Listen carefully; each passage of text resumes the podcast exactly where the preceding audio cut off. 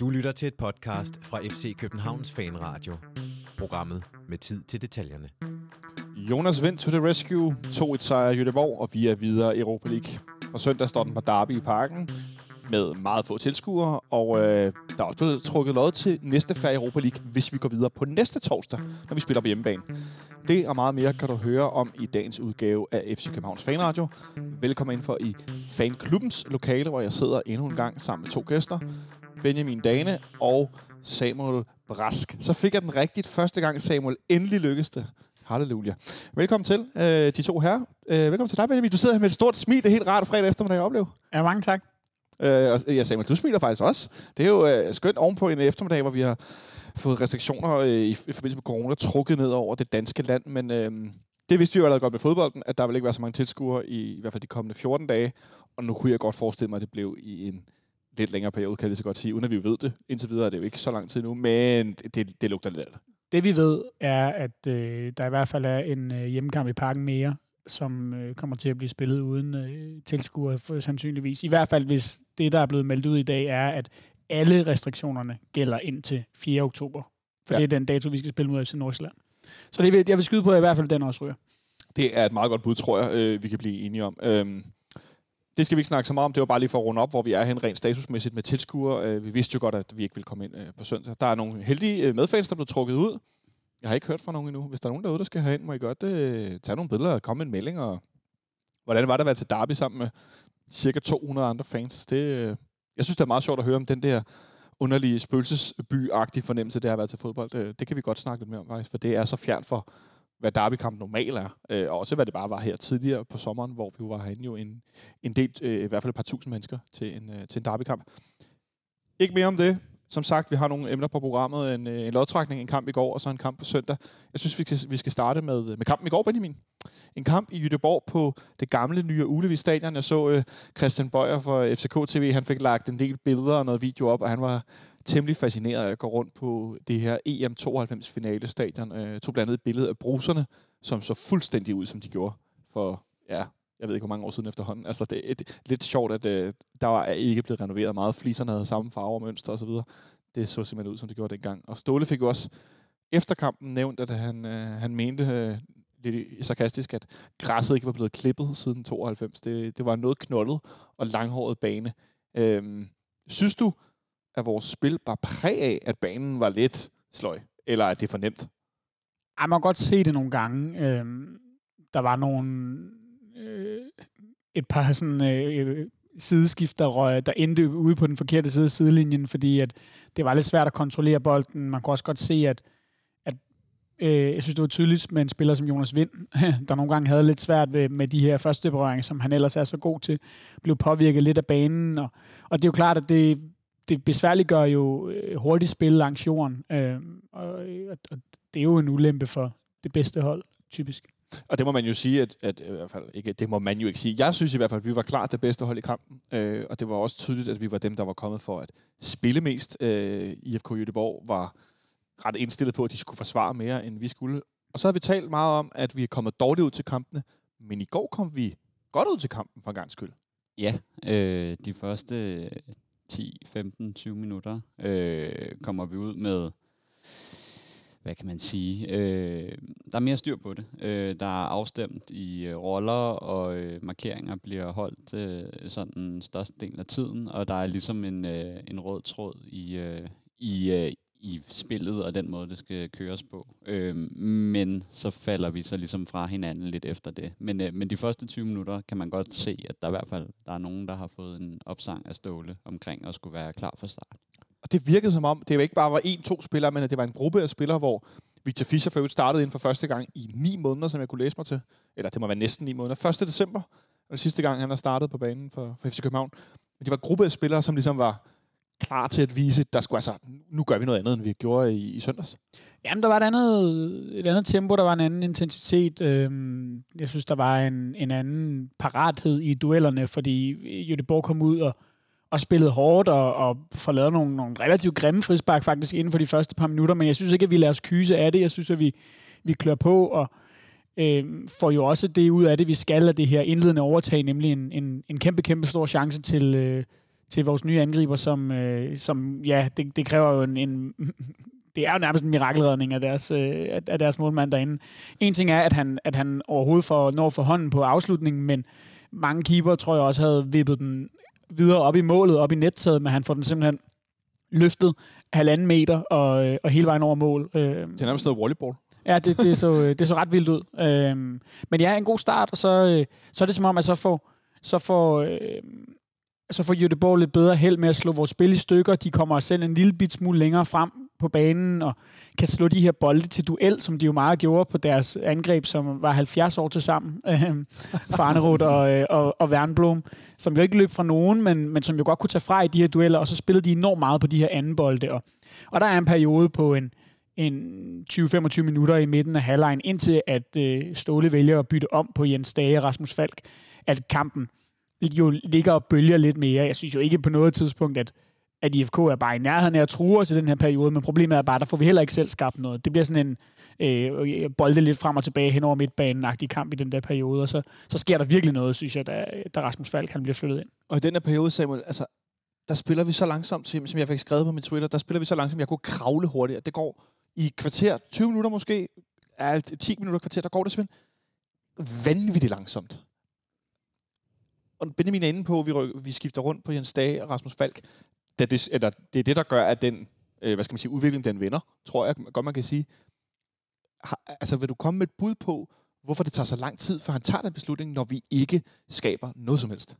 Øh, altså jeg tror, øh, den, den primære ting er jo nok, at, øh, at, at have noget, hvad kan man sige, noget stabilitet. Øh, men, men, men jeg forstår det heller ikke selv, fordi vi alle kan se det, at øh, det fungerer ikke. Og med Falk inde på midten, øh, der bruger man hans forser, hvor de er bedst øh, at vinde øh, på en mand øh, og have ryggen til mål. Øh, hvor at ude på kanten, så øh, er det mere øh, stillestående og stationært, øh, og der bruger man ikke hans forser rigtigt, og man har ikke en Jens Dage, som egentlig kan sætte en mand. Øh, han skal egentlig bare ind i boksen, så man udnytter deres øh, forcer forkert, øh, og det, det er jo også lidt det i, at som de også selv siger, øh, øh, kommentatoren, at vi har jo øh, på papiret kun én mand, som sådan rigtig kan sætte en spiller en mod en, og det er Falk. Øh, og det betyder også bare, at man skal have ham ind der, hvor øh, størstedelen af spillet er øh, og det er en centralt. Jeg synes jo, det er helt vildt, så hurtigt payoff vi får af det her, af det her skift. Altså det, det er en af de øh, situationer, synes jeg, hvor at man allermest markant har kunne se forskellen på FC København i kampe, vi skal styre med øh, Seca og Stage på den centrale midtbane, og Seca og Falk derinde. Fordi øh, Rasmus Falk kan bryde en kæde, Øh, han, kan, han kan spille op gennem kæderne. Han kan øh, holde på bolden, når han bliver presset.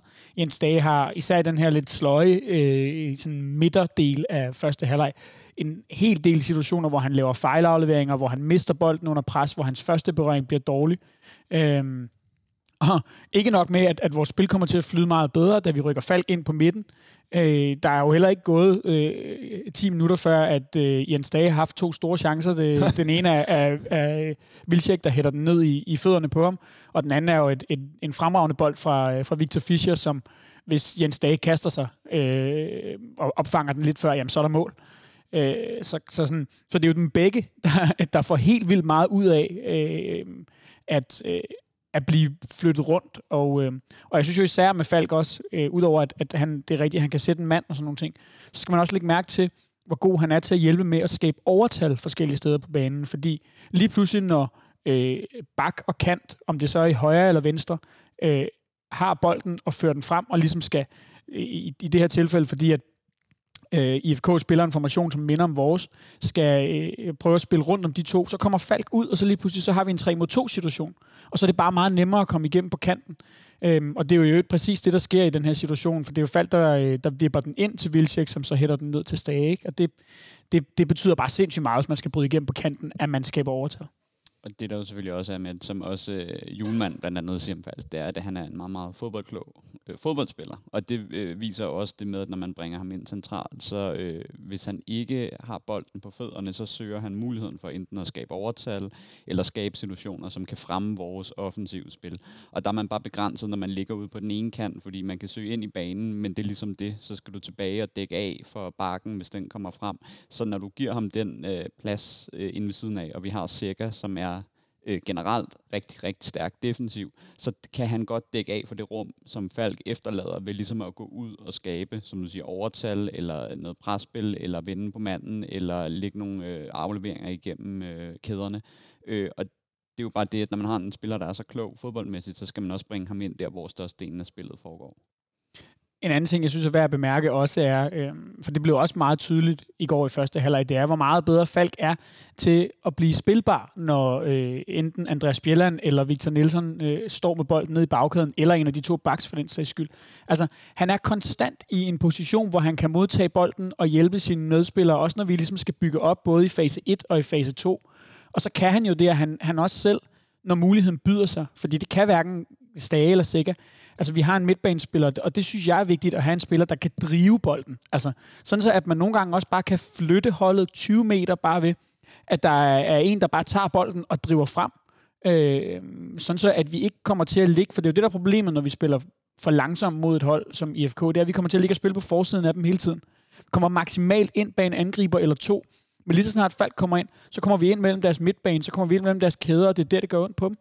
Det er jo også det, man bare ser både mod øh, Istanbul til målet. Øh, han scorer, hvor fald, eller hvor øh, vind ligger den af, men også den samme, vi ser ude i Celtic, hvor han, øh, hvor han tager den med på berøring, hvor de løber en fejl og spiller øh, Pep Biel fri. Det er jo nemlig der, hvor han driver bolden og faktisk har en, øh, en hurtig fart og er god til ligesom at sætte spillet.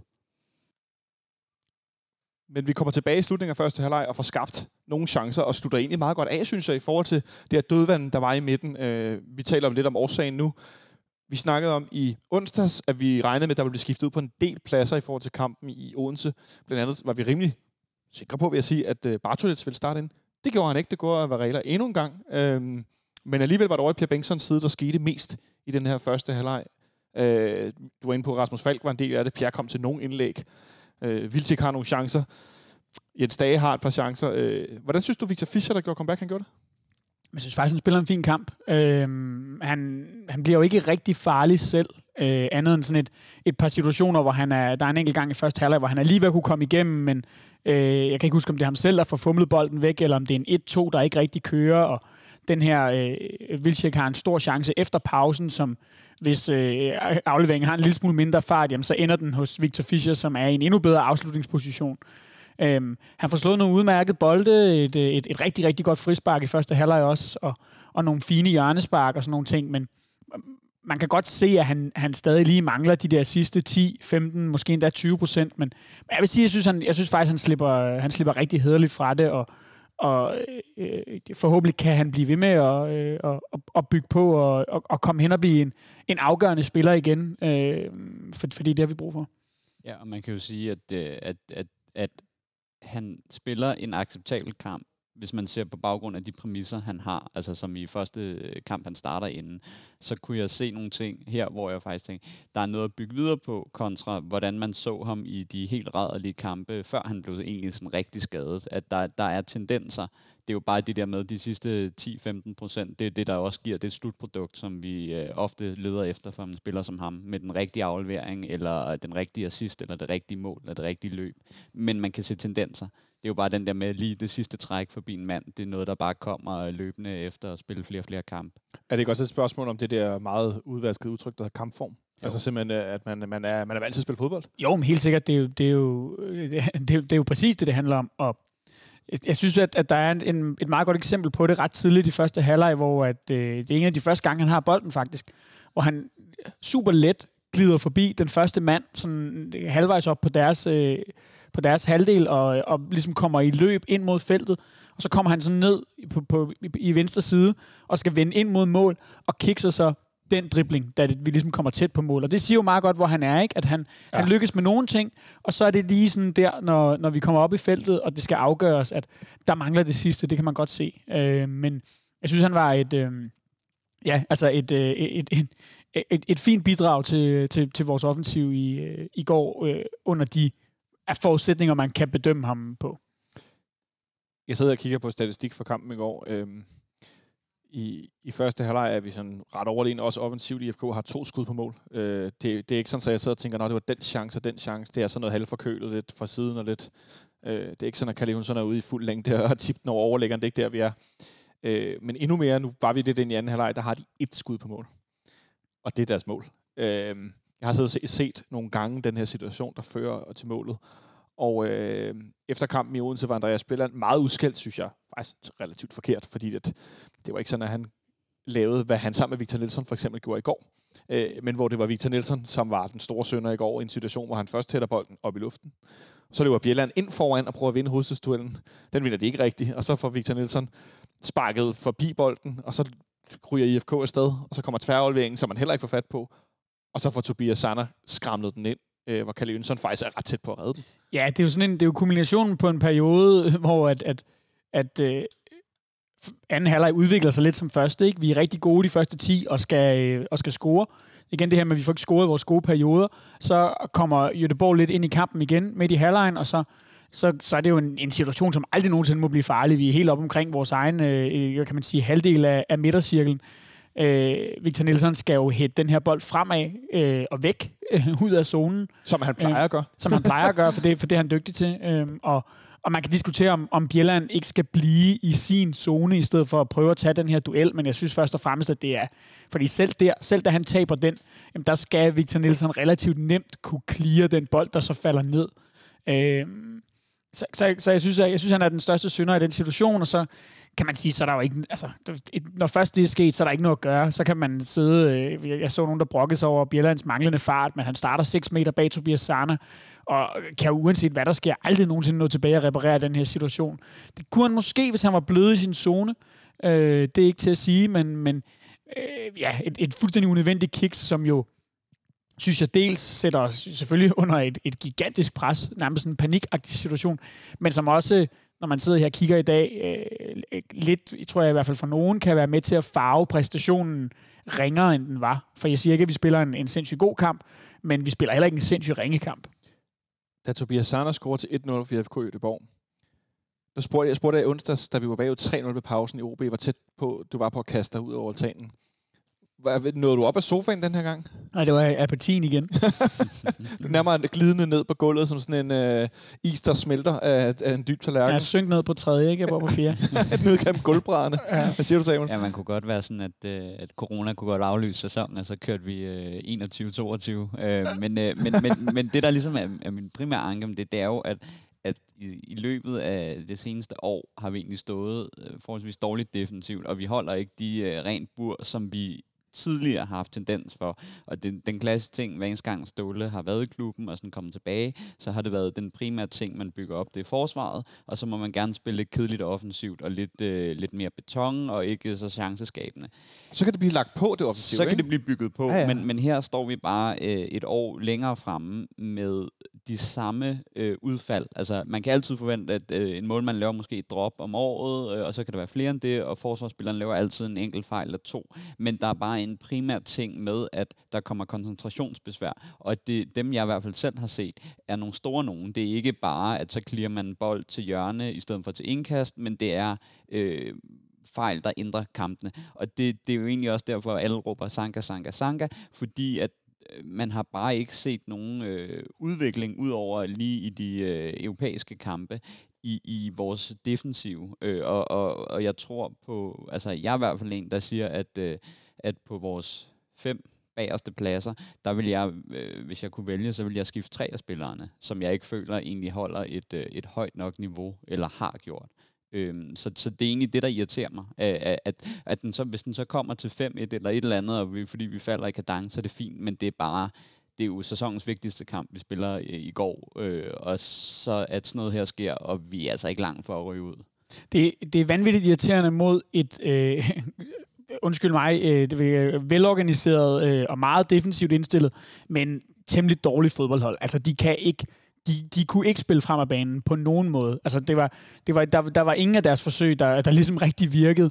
Øh, og, og du siger det jo meget godt selv, jamen de har ikke en afslutning ud over, ud over det her mål. Ja, i anden eller De har tre i alt, men... Ja. Øh, og, øh, og, og det er sindssygt irriterende i en ellers virkelig sådan, øh, altså, sådan defensivt solid kamp, hvor vi holder modstanderen fuldstændig væk, at vi så netop er ved at forære dem videre arrangement, for det havde jo været grotesk, hvis vi var røget ud til det her Jødeborg-hold, sådan som kampen udviklede sig, og med det antal chancer, vi, øh, vi når at skabe. Øh, men, men, men alligevel, ja, så er vi jo, så er vi jo et kvarter fra, at, øh, at det går helt galt, og, og så et par, et, et par heldige indskiftninger, eller gode indskiftninger. Ja, og så kan man jo bare sige, at sådan noget øh, usikkerhed, øh, øh, det, ved, det kender spillerne jo også til. Altså, de ved jo også godt, hvordan det står til defensivt på det hold, de spiller på.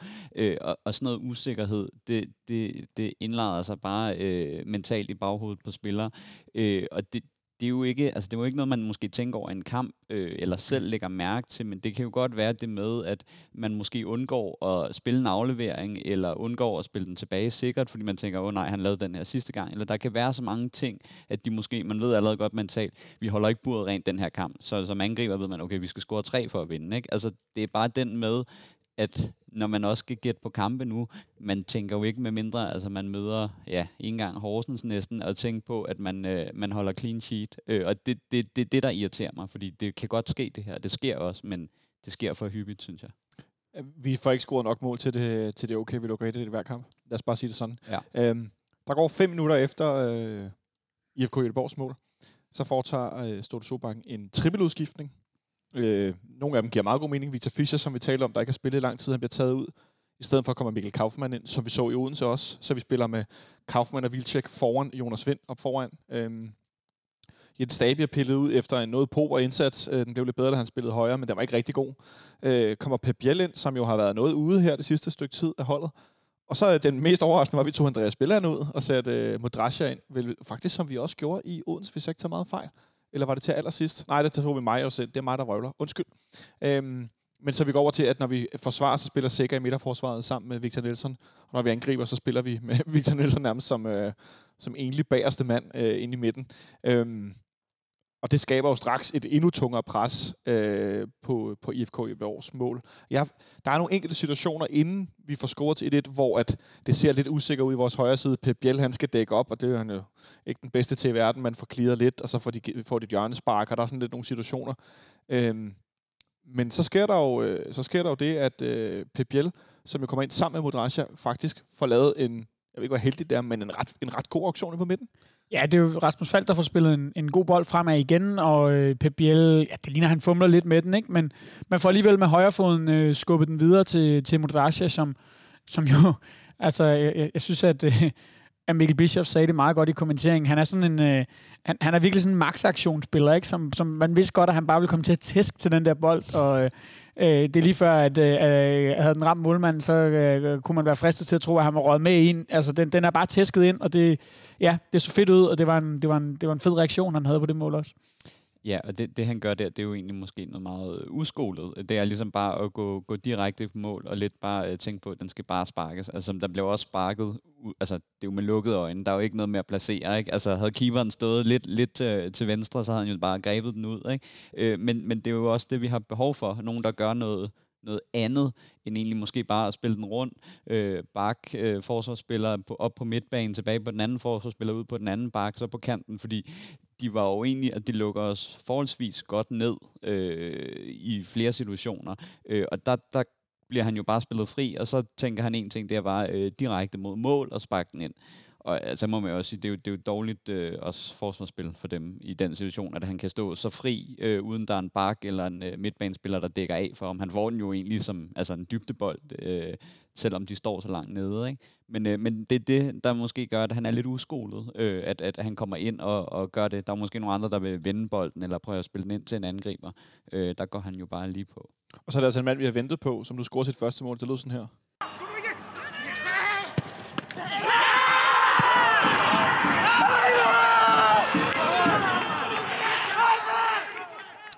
Klippet fra FCK TV, øh, optaget nede bag målet af en af FCK TV's fotografer, som var i Jødeborg øh, i går. Et første mål for Robert Modrasja, efter at have været i klubben utrolig lang tid. Han har jo gjort sig efterhånden til lidt af en, en indhopskanon, øh, kanon, eller hvad man skal kalde det, sådan et supersop, med nogle assist nogle gange, og virkelig været afgørende i nogle, i nogle, i nogle kampe, når han kommer ind til sidst.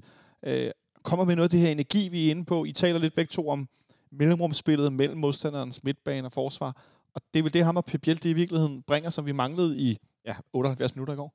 Ja, altså, øh, det, det, det er det jo. Det, det er som om, at altså, kampen bliver lidt mere, øh, bliver lidt mere åben øh, i, i de her sidste minutter, og, og de... Øh, det er også som om, at, at nu, nu var Samuel inde på det her før med, at, at Modrasja må ikke kunne være så fri. Det er som om, at øh, IFK bliver lidt nervøse og glemmer lidt deres organisation, og så lige pludselig så er der noget plads til de her spillere. Øh, og det er jo bare fedt at se. Øh, jeg går ud fra, at det har været en, en, en forløsning for ham, øh, Modrasja, endelig at få, øh, få, få ligesom slettet det der store runde 0. Han er jo en, en spiller, som også, øh, da han spillede i, i Osijek i, øh, i Kroatien, øh, godt kunne lave mål.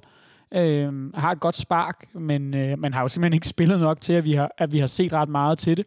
Øh, noget af det, som, som der har været talt om fra, fra Ståles side for nylig, det er jo det her med, at han i en lang periode har haft svært ved at klare det der, øh, øh, hvad kan man sige, et almindeligt træningsload, øh, uden at, ligesom, at gå hen og få småskavanker hele tiden. Og nu, nu forlyder det, at han er ved at være oven på den del der, og forhåbentlig så kan vi nu langt om langt om længe få lov til at, øh, at se ham øh, øh, folde sig ud for alvor. Øh, fordi at, at ja, han er uortodox, og, og, og der har helt sikkert også været noget i, at han, at han skulle skoles lidt i forhold til, at vi ikke har set ham mere ud over de her skader. Men, men samtidig så, så er han bare så dynamisk en spiller, at, at hvis man kan få ham, kan, ligesom kan få ham til at lykkes i systemet øh, på, som en central midtbanespiller, så synes jeg virkelig, der er... Øh, jeg synes virkelig, der er noget, altså, der er noget spændende her, som, som man kan bygge videre på, øh, og hvor man kan ligge og flexe lidt med ham og Falk, fordi Mudrasja kan du også godt skubbe lidt ud på en kant en gang imellem. Det har han nok gennembrudsstyrke til, at det kan lade sig gøre. Øh, så, så ja, altså det, lad os håbe, at han, han nu endelig er ved at være der, hvor han kan komme til at spille en lille smule større rolle, fordi det vil, det vil betyde meget for vores hold at have nogle, nogle flere strenge at spille på, på midtbanen. Som Sebastian Stanbury for Tipsbladet og nogle gange gæst herinde skrev i går aftes øh, kl. 2.08, lige efter kampen. Det kunne være virkelig interessant at se Robert Modrasja spille 10 kampe i træk og se, hvad det kunne blive til.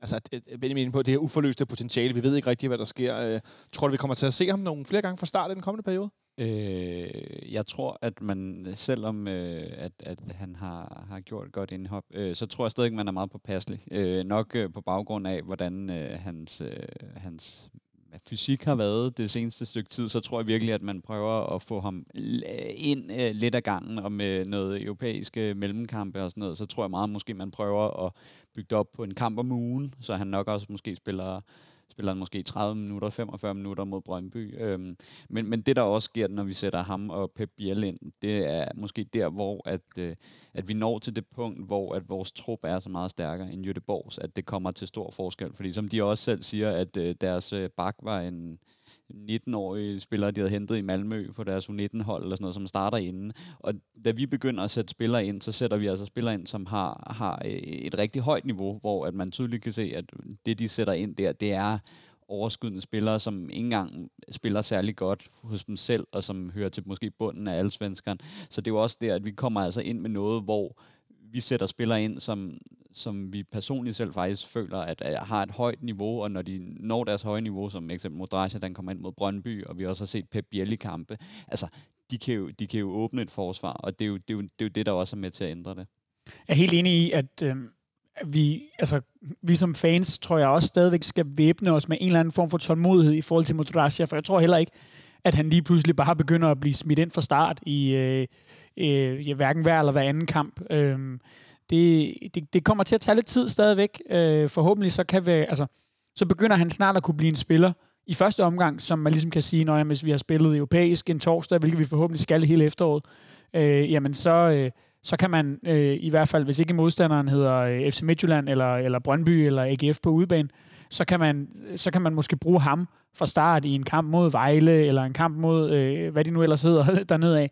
Øh, og, og, og så ligesom bringe ham ind på holdet på den måde, for jeg tror også, han, han til at starte med vil være bedst i kampe, hvor vi dominerer. Også fordi han er en spiller, der tager chancer, og han tager også gerne chancer, øh, hvad, hvad kan man sige, relativt sådan et godt stykke ned midt på banen. Øh, og, og der er måske nogle, noget risiko, han, han skal, ligesom skal lære at tage de rigtige steder på banen og sådan nogle ting, men jeg håber, at, at vi ligesom er nået til et punkt, hvor man kan begynde at køre ham ind i løbet af den her sæson, fordi vi står jo og formentlig og kigger på Rasmus Falk, der skal videre til næste sommer. Så kommer vi til at mangle en, en central midtbanespiller, og, øh, som kan nogle af de samme ting. Øh, og selvom at Robert Modrasja ikke øh, kan vende på samme måde som Falk, det er der jo ikke nogen Superligaen, der kan, så, øh, så, så har han noget af det samme, når det kommer til at kunne drive bolden. Øh, ja. Det her, jeg talte om lidt tidligere. Og, øh, og der kan det blive rigtig spændende med ham, hvis man kan bygge ham op til at være en, øh, hvad kan man sige, en, en, ja, en, en fast del af holdet, øh, om ikke andet så fra næste sæson af. Noget andet, han kunne, det var en, øh, en dødbold i går. Ja. To minutter efter Jonas Vinds, eller ikke med, efter, øh, hvad hedder det? Sin egen. Sit eget mål. Jeg prøver at tale os ind i det her øh, 2-1-mål, Samuel. Jamen, øh, et hjørnespark, som, øh, som ofte, synes jeg også, at der har været øh, kritik af, hvordan øh, de generelt er blevet slået, øh, hvor man enten slår den for kort eller for langt. Øh, ofte, ofte ser man det, hvor man bliver for så frustreret som sofa-seer, øh, og se øh, dyrt betalte fodboldspillere ikke kan slå den øh, øh, over forreste mand, som står der. Ikke? Er det det værste i fodbold? Det er simpelthen det værste. Ikke? Christian Eriksen i sparket, Ja. ja. som jeg ynder at kalde det, fordi at han er god med bolden, men hold kæft, han sparker med dårligt Præcis, det er simpelthen, øh, men, men her der kommer øh, bolden ind med både fart og den rette temperatur, fordi at den ligger i øh, i hovedhøjde omkring forreste stolpe. Og det betyder, at enten så skal du ligesom slå den bag i feltet, eller så skal den komme hårdt ind. Og der kommer den nemlig ind i den til at passe, hvad kan man sige, temperatur til, at øh, en keeper øh, kan ikke rigtig nå ud til den, for den kommer så hårdt, og man kan løbe direkte ind i den. Og det er jo også det, han nemlig gør. At han, Vinder han ikke? Jo, men han kommer jo ligesom ind i løb direkte, og det er jo også derfor, der får så meget fart på bolden. Fordi Ja, okay. at, øh, altså, som jeg ser det, det er, jo, det er jo farten, der gør, at, at målet går ind, fordi han simpelthen ikke kan holde den. Han bevæger sig indenfra og ud af, men det er rigtigt. det, gør, men, jo, men, det, Okay. men han kommer trods alt, han, han når så langt ud nemlig, at han Ja, han kommer. kan nå at få noget, altså, han laver få noget fart på den. ikke? Og for Ja. at få, få, men, det er jo det med at komme ind med fart, at man rammer den, at man ikke skal op og hoppe, men at man egentlig kommer løbende direkte ind i den. Ikke? Men øh, det- den der bevægelse i at ligesom bruge sig selv som sådan øh, en slynge, øh, så man bevæger sig væk, og så tilbage i det her, i det her, øh, altså, øh, det er vel en eller anden form for tyngdekraft, eller hvad man nu skal kalde det, centrifugalkraft, at han ryger tilbage i bevægelsen, og får så meget knald på med panden. Det, det er en fed bevægelse. Ja, og, og, og det, er jo, altså, det han gør er jo også, at han, den, det løb, han tager, snyder jo hans, øh, hans oppasser.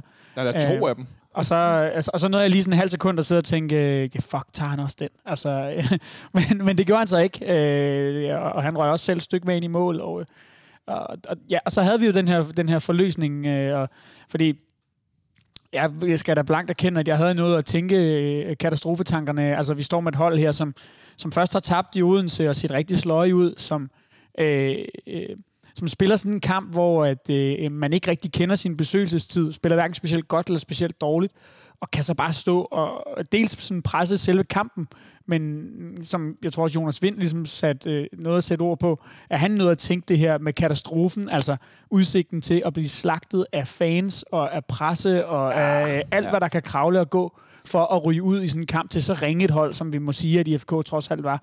Øh, og der, der, var jeg, der var jeg rigtig glad for, også med øh, i søndags en mente, at, at se et hold, som sådan ligesom mentalt formåede at, og ligesom at, at bounce tilbage og, og vinde den her kamp. Øh. Så, og som gruppe og som spillere, det må da også løfte dem. Ja, men det er jo også det, fordi at, at, at en ting, som de siger, det er, at så skal de høre på øh, journalister og fans. Ja, vi, vi brokker os jo altid. Vi brokker os jo altid, men, men det er jo også den med, at, at hvad det ikke kan skabe af øh, yderligere problemer. Ikke? At så står man måske med en stor trup, øh, der er ikke europæisk fodbold, så er der nogen, der ikke får mindre spilletid. Øh, hvad med de spillere, som øh, hvis man tager sådan en som øh, Varela, som nok skal afsted om et år, som ligesom hans primære ting, det er at vise sig frem europæisk, og så få det der det sidste gode skifte i sig, og øh, hvad man ikke lover de andre spillere, og så står man med fire forsvarsspillere, og måske kun skal spille. Altså, øh, og det hele kunne ligesom bare være et eller andet samsurium af øh, start på en dårlig sæson, og en trup, der, øh, der måske allerede rammer det der Øh. den der bund, som man måske, øh, måske bare ser en enkelt gang, at så kommer der to i træk, og Derby også. Øhm, og så, så er der jo også bare noget andet med, med, med spillere, at det, det, det er jo sådan noget, der kører mentalt, og hvis man sidder ude også, ikke? Altså en som eksempel øh, Darami jo, som også virker altså helt ude af truppen ikke? Med, med ingen spilletid heller. Ikke? Altså, hvad sætter det så også i, hvad tænker han? Ikke? At øh, han kan sætte en mand af, han kan skabe noget, øh, så taber vi to kampe, han får ikke spilletid. Ikke?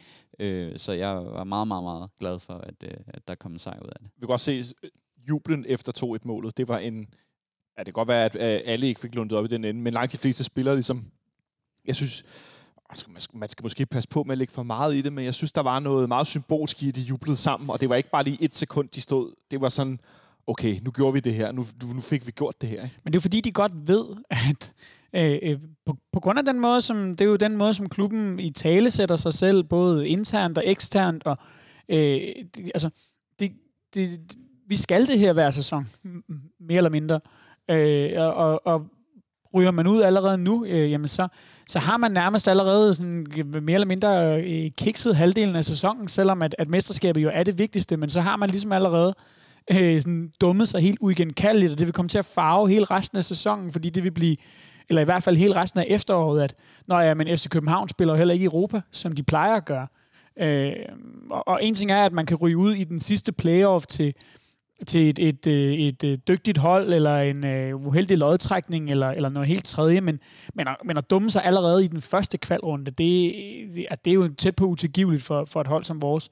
Uh, og nu får vi jo, som, som så mange gange før i de her tidligere kvalkampe, så alligevel uh, skrabet, os, uh, skrabet os videre det, det sidste stykke. Ikke? Den europæiske erfaring uh, gjorde indtryk. Ja, og så, og så er det jo også bare, at, at, at altså, selvom Ståle siger, at vi, vi opererer med et fastlagt budget, så er europæisk alligevel det, der gør, at, at man kan hente øh, spillere, øh, som man måske vil lade være med at gøre, hvis man ikke gjorde. Altså, at, øh, at man plejer jo at sige, at, øh, at øh, Euroleague giver et eller andet sted fra 50 millioner til 100 millioner, afhængig af market pools og, øh, og hvor mange kampe man vinder og sådan noget. Men det er, jo, det er jo også det, man snakker om, at det, det er jo det, der gør, at man så kan hente en spiller, og det tror jeg også, altså bare sådan, når, når vi skulle hen og sige, vil du herhen, så skal man også sige europæisk, og så kan det passe ind i budgettet, fordi uden et europæisk gruppespil, så henter man jo ikke en spiller til 55 eller 40 eller 30 millioner som i en samlet park med transfer og løn. Øh, så det er jo også det, der lige betyder, at man kan måske se noget ske. Jeg synes, vi skal runde kamp, men så kan vi lige gå tilbage til det sådan lidt, lidt længere sigt, når vi skal tale om, øh, om lodtrækning, der var tidligere i dag, og den næste runde, vi spiller næste torsdag på hjemmebane. Øh, en man of the match for i går, Benjamin. Du får lov at lægge for, at vi kører ud og rundt her. Ja, det bliver nødt til at blive Rasmus Falk. Øhm, for den betydning, han kommer til at få for vores spil, da han kommer ind på, øh, på den her centrale midtbaneplads. Øh, der, på, undskyld, jeg afbryder på trods af, at han nærmest blev skadet i det første minut og humpede rundt i hele første halvleg. Ja, men, men han, altså, øh, han humper jo ikke rundt, da han kommer ind på central midt. Han, øh, det har bare så kæmpe stor impact på vores spil, og han bliver, øh, det, det bliver ham, der kommer til at styre hele vores offensiv derfra, og øh, øh, han har også den her... Øh, næst sidste fod på, øh, på den udlignende scoring. Det er ham, der får spillet en god bold frem i banen og sådan nogle ting. Så, så jeg synes samlet set, at det, det, den, den, må, den må gå til ham. Ja. Øh, jeg er helt enig. Øh, altså, øh, Sega har jo heller ikke en, øh, en, en, en formidabel præstation, og jeg tror bare, at han er den eneste, du kan tage ud af holdet og så vil du virkelig øh, se et meget, meget, meget dårligere øh, produkt øh, generelt leveret. Øh, og og det, det er ligesom det, at, at er han der, så skal der nok komme en chance, om det så er øh, en eller en anden angriber, eller om det er vind, der er inde eller ude, skal der nok ske noget offensivt. Så handler det selvfølgelig bare om, har øh, angriberne den øh, det niveau til at smide boldene ind, eller til at, at udnytte øh, det Falk laver, men det er bare sådan, altså, øh, jeg vil sige, øh, han er den spiller, der ikke skal blive skadet her i den her startup-tid øh, af sæsonen. Jeg var godt nok også nervøs det første minut, hvor han lå ned i lang tid. Det var voldsomt. Jo, og netop især indtil vi forhåbentlig har Victor Fischer op i omdrejninger og andre offensive kræfter, måske en ny højre kant, øh, måske Mudrasja, øh, måske øh, Pep Biel med lidt øh, selvtillid. Øh, Saltvand, altså, lidt, lidt, lidt forskellige ting, men indtil da,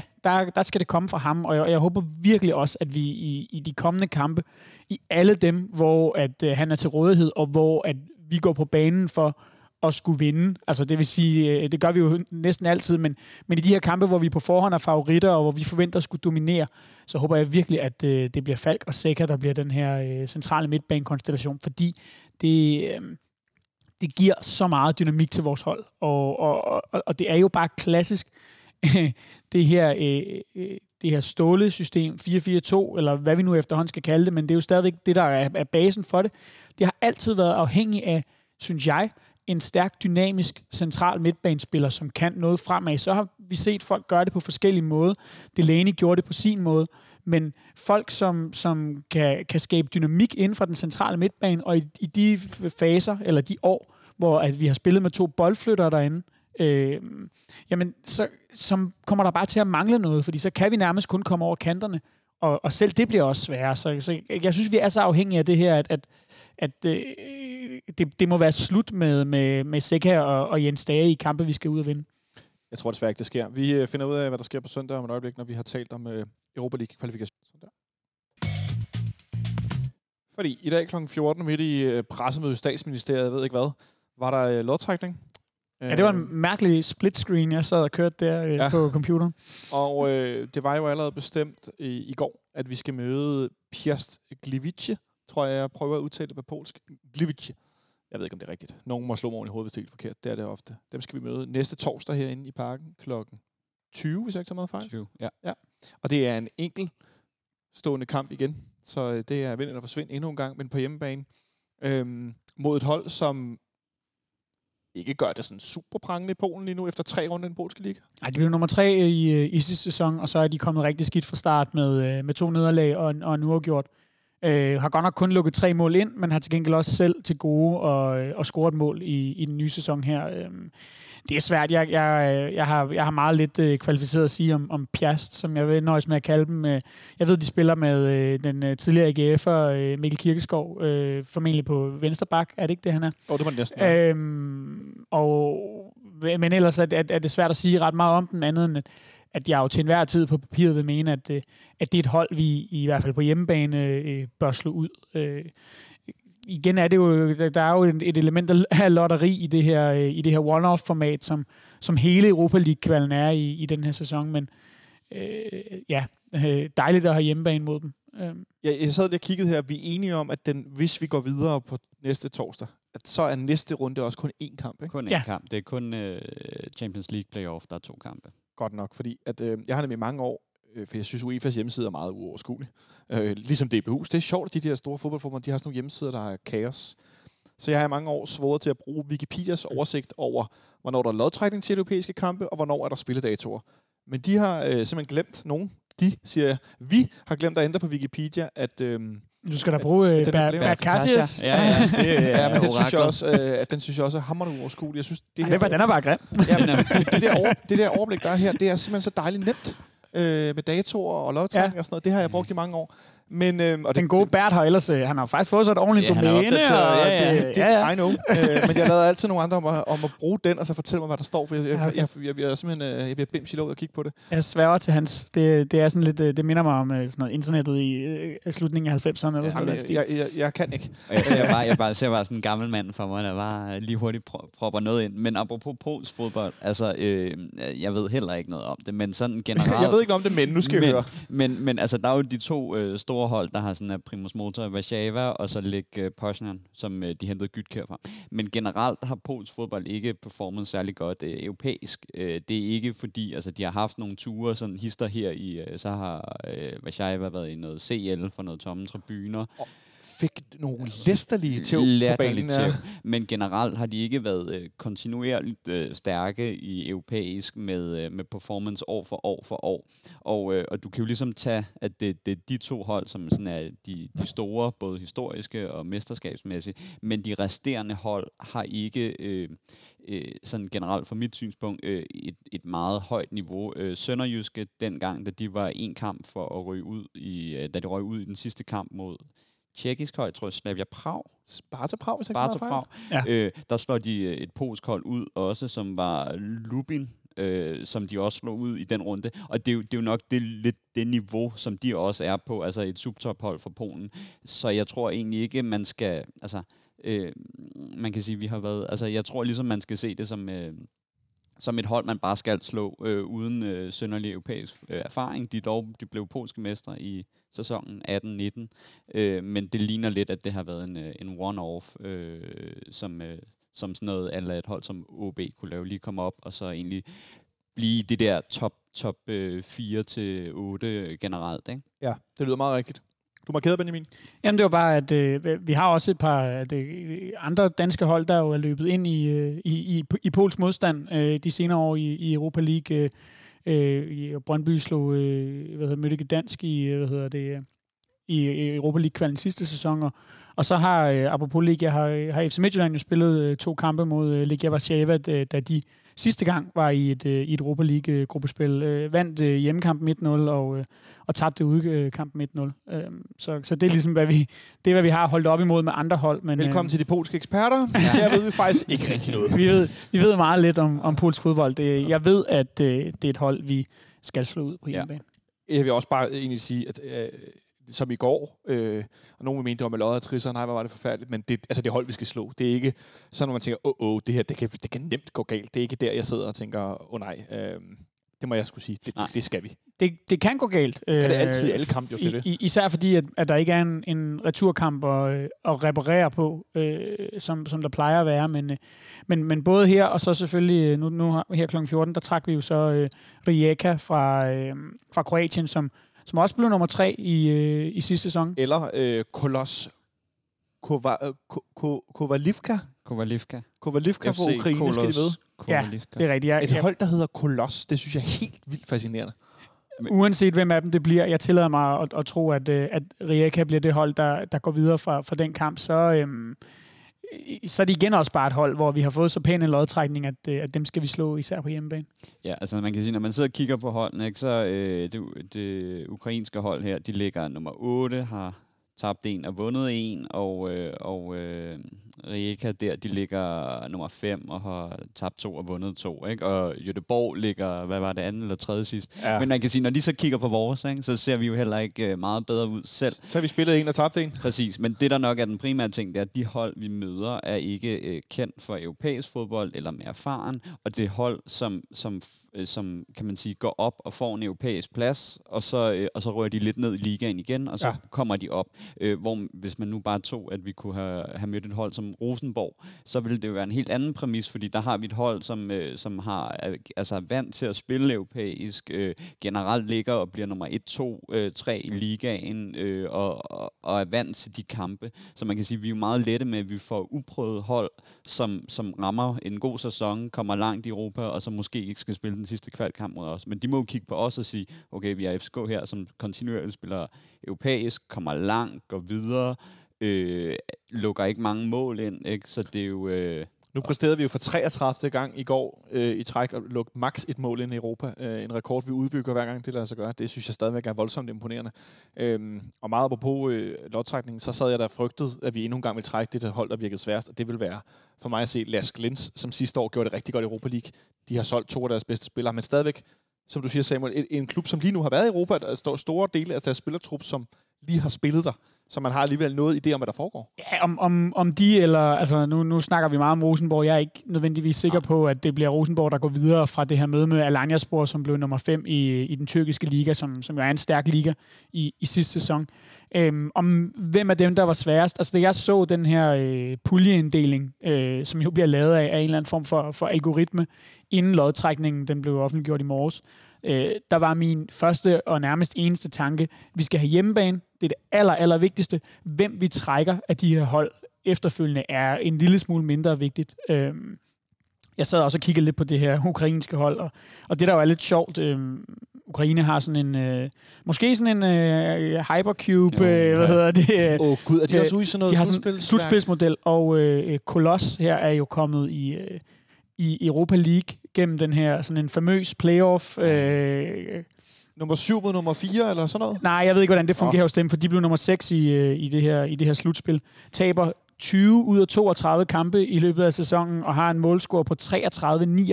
Altså en voldsom negativ målscore, men ender så alligevel med at, øh, at, at, at, ligesom at komme igennem den her, øh, den her Europa League playoff, og, og kommer så i, i europæisk fodbold på den måde.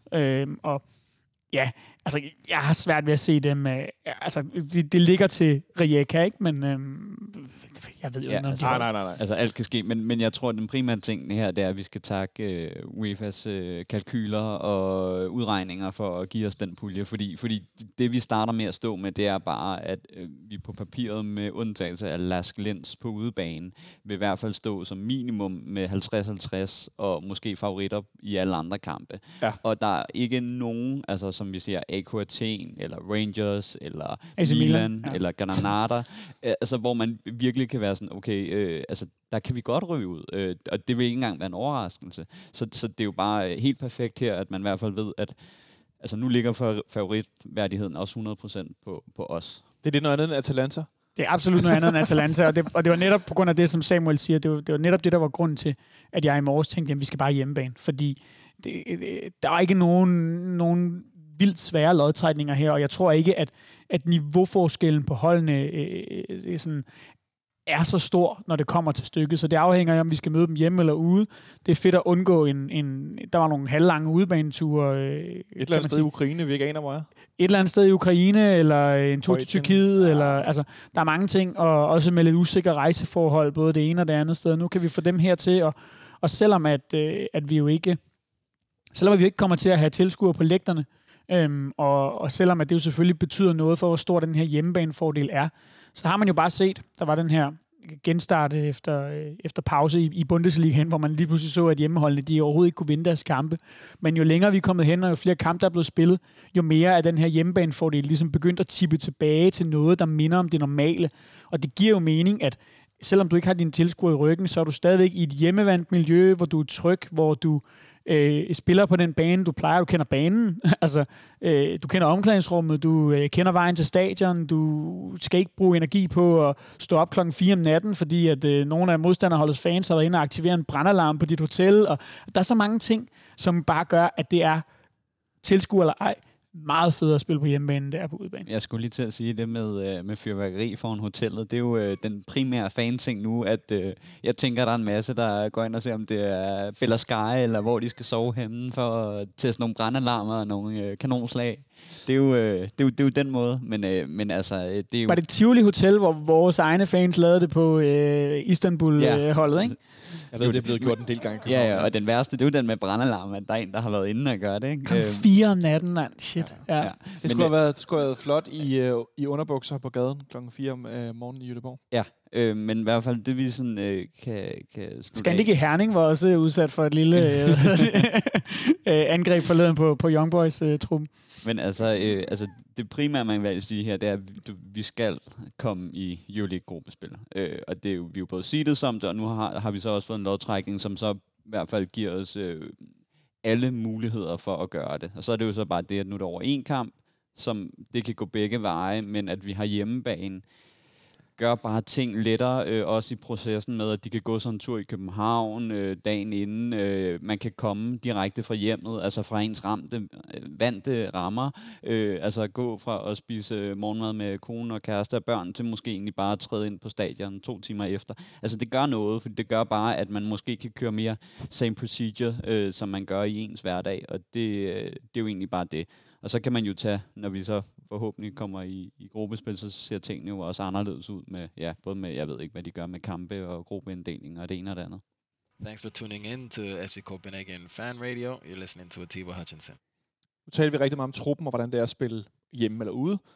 Noget, jeg sved fuldstændig ud onsdags, det er, at vi for det første har lejet en spiller ud. Det er Michael Santos, der blev lejet ud til Liga Næs for den næste sæson. Øhm, han er kommet lidt i overskud, øh, står bagerst i, i køen. Øhm, og så vidt jeg har forstået det, er det med en købsoption øh, for, for næste sommer, hvis jeg ikke tager meget fejl. Der står ikke rigtig noget om det her på hjemmesiden, men sådan her Det er det. synes jeg, jeg har læst det i hvert fald. Ja, der er to, hvis to muligheder, den kunne blive indfriet. Enten kunne den indfries bare af dem, men så skulle der vist også ligge måske en klausul om, at hvis de rykkede op, så skulle de indfri den. Altså så lå okay. implicit i aftalen, har jeg i hvert fald hørt. Godt.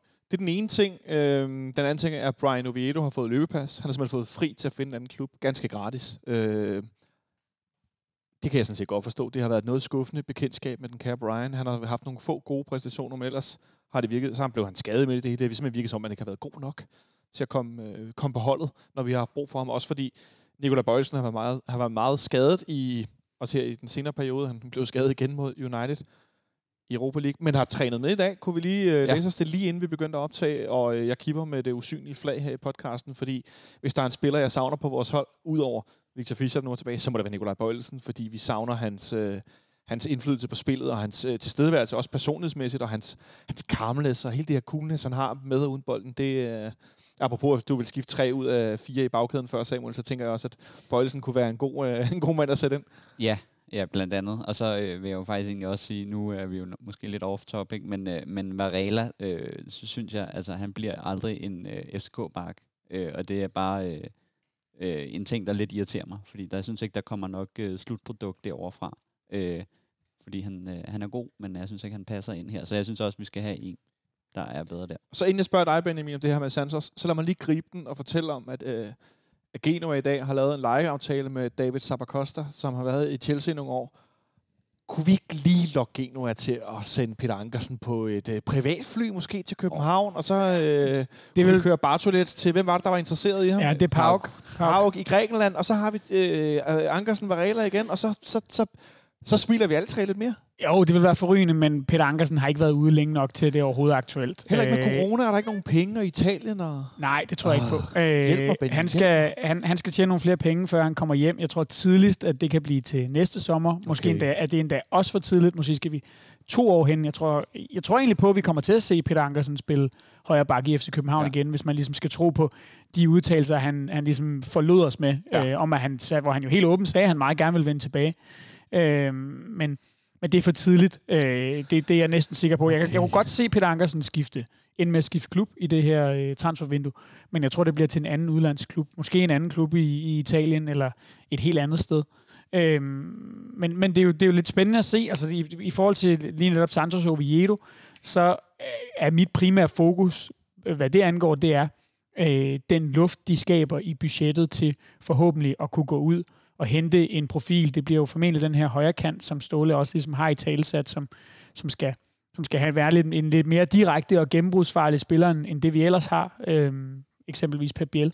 Men, øhm, men, men det er jo i det hele taget spændende at se, hvad der kan komme til at ske af justeringer her til sidst i transfervinduet, netop fordi, at der også begynder at være lidt rygter omkring Bartolec, og kunne man så bringe en...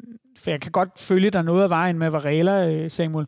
Kan man så bringe en, en, en lidt skarpere og lidt bedre konkurrent ind, som måske har lidt mere af det her drive i sit spil, eller Ankersen. Og, altså der, der, det, det begynder alligevel at se ud som om, at, at vi måske godt kan, kan komme af med nogle af de her spillere, som er lidt dødvægt i truppen, ikke? Ja, og det, det er jo ligesom det, at, at vores øh, første angriber er jo egentlig vores backs, har det primært været. Og der er det bare, at, at, at øh, Bengtsson, øh, hvis deres back står inde i feltet, så kan han slå et indlæg øh, og kan egentlig slå dem fint, men, men der kommer ligesom ikke mere derudfra. Og Varela er bare øh, god teknisk øh, og god defensiv, men, men det er ikke, fordi han er chanceskabende, og det er egentlig bare det lidt, jeg mangler. Så kan man have en god, øh, godt samarbejde, relationelt samarbejde med, med kanten, og så kan man godt få noget arbejde der.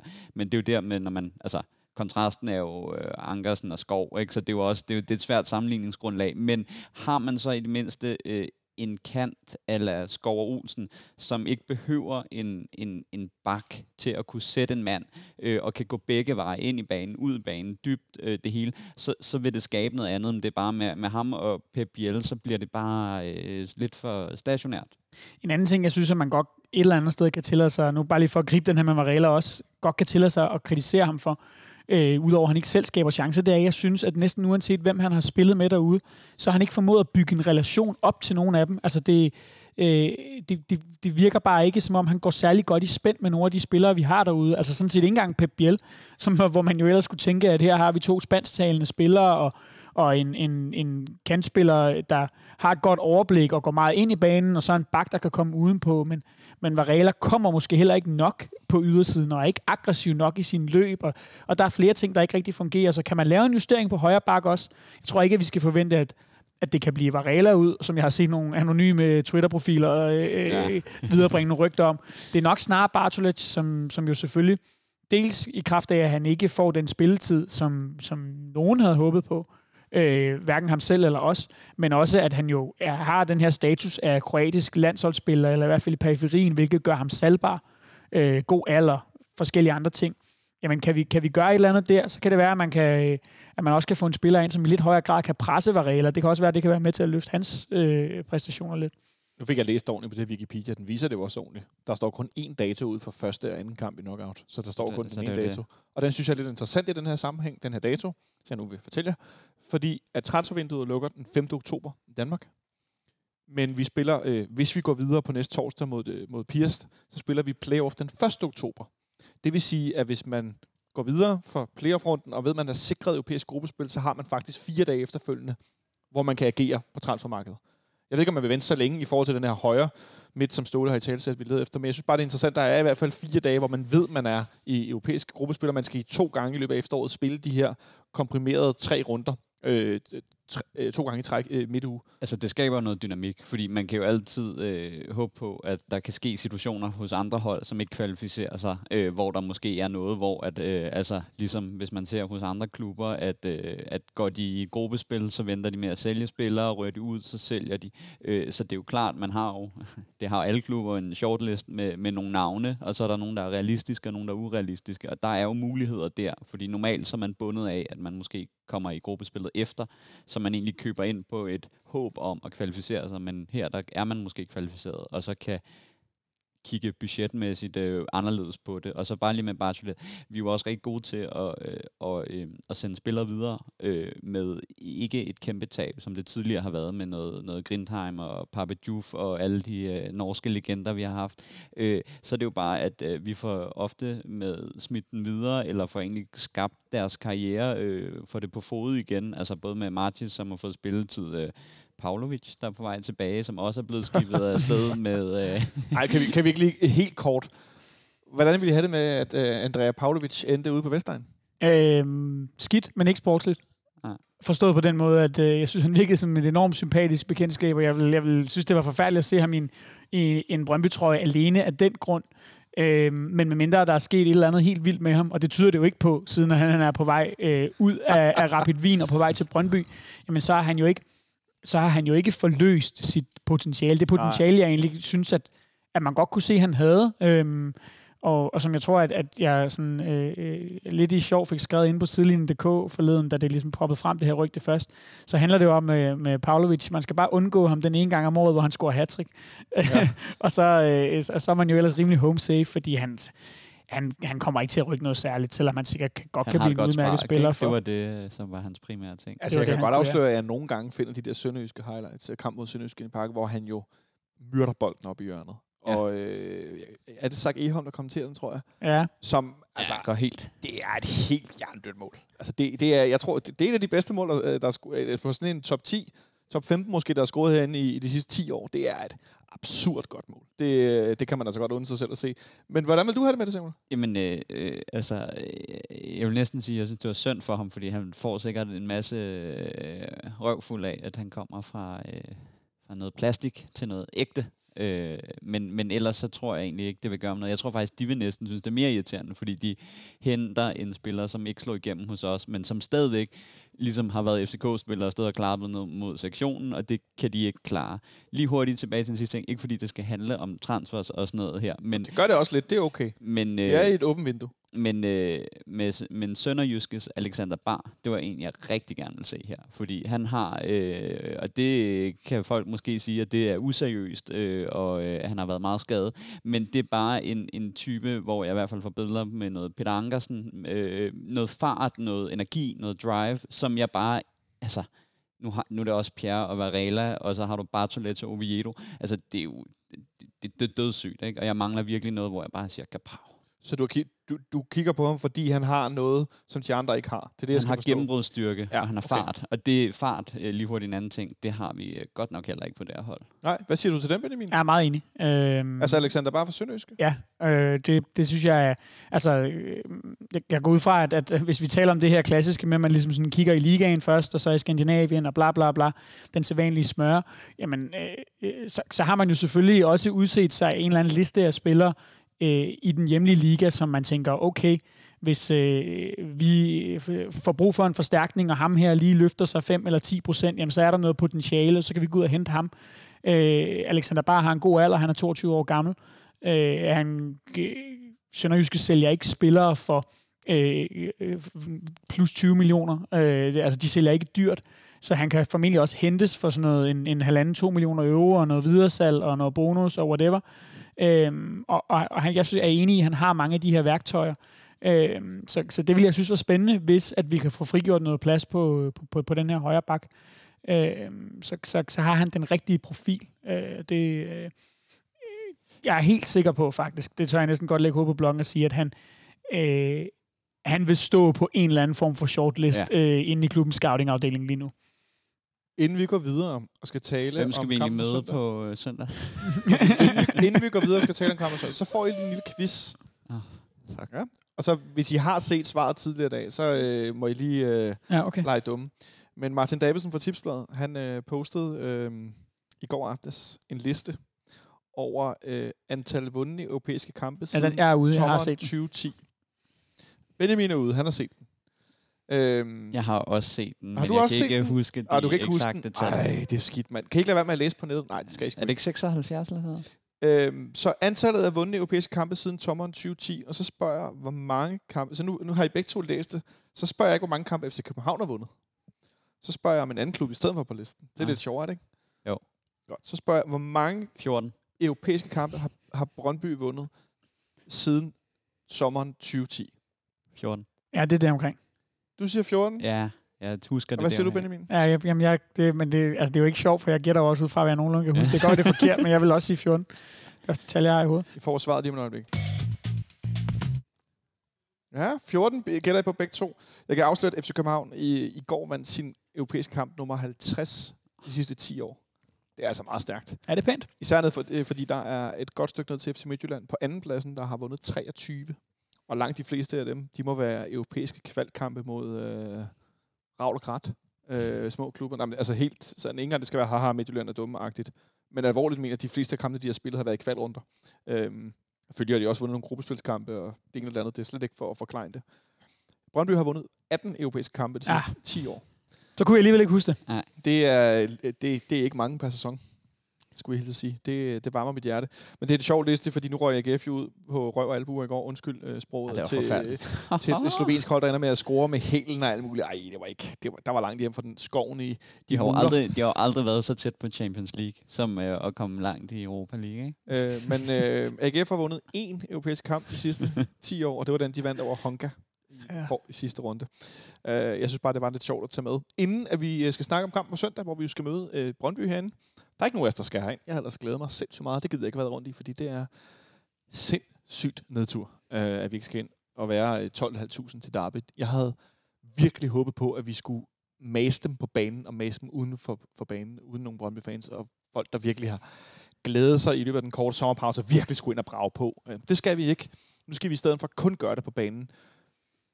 Nu har vi spillet de her to kampe efter den korte sommerpause meget tæt på hinanden. Vi har set en næsten identisk startopstilling. Hvis der kommer nogle ændringer fra i går til på søndag, Benjamin, hvor kommer de ændringer så hen på banen? Mm, jeg tænker, at Victor Fischer ikke spiller fra start. Så Victor Øhm, Fischer på venstre midt starter ikke ind. Nej, for jeg tror, at, at, at ham, skal vi, ham skal vi dosere på en eller anden måde, og hvem man så, hvordan man så løser, hvem der skal spille derude, det, det, må, vi, det må vi vente og se. Betyder det så, at bagkæden er den samme? Nu hopper du allerede på midtbanen. Betyder det egentlig, at bagkæden er, er fuldstændig magen til? Ja, det er jeg næsten sikker på. Jeg Ja. tror ikke, Bartolet han spiller fra start i den kamp. Øhm, Ej, det skulle være svært, at Bøjlesen træner med i dag, og så spiller Derby. Det kommer heller ikke til at ske, nej. Og, og jeg tror stadigvæk ikke, at man regner med, at øh, en spiller som Marius er så langt inde i systemet nu, at, han, at vi for alvor kan begynde at rotere. Så jeg tror, man kommer til at spille igennem med, den samme, med de samme fem bagerste. Ja, lad os sige Øhm, fem bagerste, det ja. giver mere mening. Ja, og, Så, og så er det spørgsmålet, hvordan man kommer til at blande kortene på, øh, hvad hedder det, på, på, på midtbanen. Jeg er ret sikker på, at Victor Fischer ikke starter. Så kan man bringe ham senere i kampen. Han skal nok komme på banen, men det bliver ikke fra start. Øhm, Så inden du går videre med den, Ja. så får Samuel lov at komme med et bud på, hvem der starter. Så kan du tage den videre derfra. Jamen, altså, jeg har lidt en idé om, at jeg tror faktisk, at øh, Jens Dage får lov til at starte øh, kontra modsætningen. Øh, men, men det er så måske, fordi jeg tror, at man kunne finde på øh, for det offensiv, og det er, nu er det jo helt over øh, at bringe øh, Falk op, øh, altså som i endnu mere offensiv position, øh, fordi man gerne vil skabe noget langt øh, frem af banen, og egentlig hellere stå meget, meget defensivt stærkt øh, på den centrale. Så jeg tror måske godt, man kunne simpelthen bringe ham op altså i noget eller Jonas Vind tiger, eller rokere rundt oppe øh, med, med vores øh, wings, som vi næsten har, eller kanter. Øh, altså hvis man spiller en, øh, en øh, 4. Så hvem vil du have hvor henne? Jamen, jeg kunne godt se, at den var sikker at stage. Centralt. Ja, og Men så, det, det, det bringer altså ikke ind på, hvem der skal spille den der venstre. jo, fordi at det vil jo så være Falk, Så du Falk ud på venstre, og så sikker sag- Stage centralt igen, og så Vind. hvor han, helt, hvor han også spillede i går. Ja. Bag ved Vildtjek. Ja. Ja, og så er der den der højre. Hvad gør vi med den der højre? Den er lidt ude at flyve, fordi Darami ligner ikke en, der starter Nej. ind i Derby. Er det Pep Biel, der gør et okay indhop i går, der får lov at starte den? Ja, det kunne det jo godt være, hvis, hvis man vurderer, at han har trænet godt, og, og nu har han et godt indhop, jamen, så kunne det sagtens blive ham. Øhm, Eller kunne det være Mudrasja, der kommer ind og spiller den her højre? Det har han jo, det, altså det har han jo lidt gjort nogle gange, han er blevet skiftet ind. Spillet den her, hvor han også bevæger sig ind på midten, men hvor han, i hvert fald når vi forsvarer formationsmæssigt, så er det derude, han dækker af. ja, Eller jeg, er det, for, er det for usikkert? jeg er ikke sikker på, at han er en starter endnu. Øhm, jeg tror også godt, at, at, at man kunne finde på... Øhm, altså en af de ting, jeg tror også, der kan komme til at ske, det er simpelthen, at vi, fordi det, det skal man huske på, at Jens Dane, han har spillet kanten, har ikke kun spillet højre kant. Han har faktisk også optrådt en lille smule over på venstre øhm, i, i foråret. Ja, ja. Øhm, og, og jeg tror, at, at Ståle gerne vil have den her taktiske fleksibilitet i forhold til at kunne bytte rundt ja. på Jens Dage og Rasmus Falk. Øhm, og så kan det godt være, at, at Jens Dage kommer til at starte derinde igen. Jeg synes jo, at det bør være Rasmus Falk, men at man så bytter lidt i løbet af kampen, eller omvendt, afhængig af også, hvordan den udvikler sig. Øhm, så jeg kunne godt se, at Jens Dage spille et eller andet sted på den her midtbane, og så Rasmus Falk og Seca, og så, så er jeg mere i tvivl om, om den sidste plads. Jeg er ret sikker på, at det ikke bliver Victor Fischer. Øhm, Pep Biel for mig nok det mest oplagte bud. Ja, og så tænker jeg også bare, at, at det er jo, øh, øh, når man kigger på Brøndbys hold, øh, at, at, at der, hvor de i hvert fald måske er sådan øh, stærke, kunne være centralt, og ofte også øh, en klassisk ting, i hvert fald fra øh, dengang jeg spillede mod dem, det var rigtig meget at få dækket den af med, at de spiller jo med tre inden centralt, som vi øh, lidt visuelt viser i vores startopstilling, vi gør nu, men det der, der med at aldrig at komme i undertal inden central, fordi så er det meget let at blive spillet igennem, når det er øh, måske en tier, der ligger foran de to øh, midtbanespillere, man har, og så to, der ligger bagved. Øh, og det, det er måske bare den primære ting, at man vil meget gerne sørge for at i hvert fald være, være fuldtallig inden central, så derfor vil man også gerne have i hvert fald måske tre minimum, der kan spille central, som ved, hvordan man går, ligesom går ind og dækker af. Og det kræver, at man har tre centralspillere selvfølgelig. Øhm, for to dage siden siger Niels Frederiksen til, til Tipsbladet nogle forskellige ting om den her kamp. Han siger de her sædvanlige ting, hvilket jeg jo faktisk, selvom det er en floskel, synes passer langt hen ad vejen omkring, at, øh, at derbykampene har deres eget liv og de her ting, men det har de jo ofte, at det gode hold, som er jo langt bedre end sæson kan ende med at tabe relativt stort i en derbykamp ud af det blå, fordi der bare sker noget med energien i spillet. Øhm, og han siger øh, nogle øh, fine fraser omkring vores hold og bla bla bla, at vi kan godt lide at have bolden på hjemmebane. Og så siger han, og så vil vi løbe med dem så meget, det kan lade sig gøre. Jeg vurderer, at vi er en lidt friskere udgave, end de er. Vi har en masse unge spillere med fart og energi, og det vil vi prøve at udnytte. Og det er vel det, vi er dårligst til at spille mod i virkeligheden, som det er lige nu. Øhm, ja, altså, det, som jeg ser det, så det Brøndby kan have held med i den kamp, det er at gøre præcis det samme, som der skete sidst. Vi mødte dem herinde i parken, øh, efter den her coronapause, hvor at, at kampen så bliver 0-0. Blandt andet fordi, at, at Brøndby øh, ved en fejl får øh, annulleret et, øh, et mål. Det gør de så formentlig ikke øh, på søndag, for nu har vi var, hvis det, hvis det skulle ske det samme. Men det her med at, at gøre det til en åben kamp, som kommer til at ligge og bølge frem og tilbage, og med en, en masse dueller og en masse en mod en situationer, hvor at de måske har en lille smule mere fart i holdet, end vi har. Øh, Ja, det vil de gerne det vil de rigtig gerne, og, og, og det skal vi selvfølgelig forsøge at modvirke, og, og øhm, øh, hvilket også kvæg det, som Samuel lige fik sagt med, med overtal på midten og sådan noget. Jeg tror ikke nødvendigvis, det kommer til at ske, men for, jeg kunne bare godt personligt se det interessante, jeg tror også, jeg nævnte det i vores seneste udsendelse, det interessante i, i den her formation, vi i virkeligheden sluttede, øh, sluttede kampen øh, mod OB med. Altså øh, øh, med at gå over og, og bringe en, en, lidt, en, en lidt smallere midtbane, men med lidt flere folk derinde, der kan spille centralt, øh, og hvor man får øh, Seca en lille smule dybere i banen, lidt mere primært til at kunne beskytte forsvaret, og de to andre på siderne af ham ligesom kan skiftes til at komme ned og hente bolden og drive den frem. Øh, jeg tror ikke nødvendigvis, det kommer til at ske, men jeg synes, der er noget taktisk interessant i, og, og, og, og måske at gribe kampen an på den måde. Og når vi taler om, at vi mangler fart, og Ja. ja. Benjamin er inde på det her, så er en af dem, vi har i truppen, der har mest fart, udover Modrasja, vi har talt en del om, det er vores unge angriber Mikkel Kaufmann, som jeg også tror kan få en måske overraskende stor betydning i del af kampen på søndag, fordi han har om nogen fart og hastighed. Øh, Ja. Og virker som om, han er, han er blevet bedre af ikke at spille så meget hele tiden. Ja, altså jeg tror, at, øh, at altså, altså, jeg tror, at vores primære ting med ham, det er jo bare, at han er ung og skal skoles, og, øh, og det er klart, der er rigtig meget med løbemønstre, og man skal også finde ud af, øh, hvordan han egentlig passer ind. Altså, at det kan godt være, at han, altså, øh, han bliver jo ikke en Cornelius, og han, han, han skal måske mere udvikle sig som en, en der måske egentlig skal spille lidt, øh, lidt mere dybdeløbende angriber, end at være stationær, fordi at Ja. At det er det, hans force er, selvom han har højden til det. Men han har jo ligesom, som jeg også vil tage dem, at de har jo bare nogle angriber med fart på, som vi ikke har som den primære. Og det er jo bare tilbage til i hvert fald det defensive aspekt. Øh, Simon Hedlund og Michael Ure.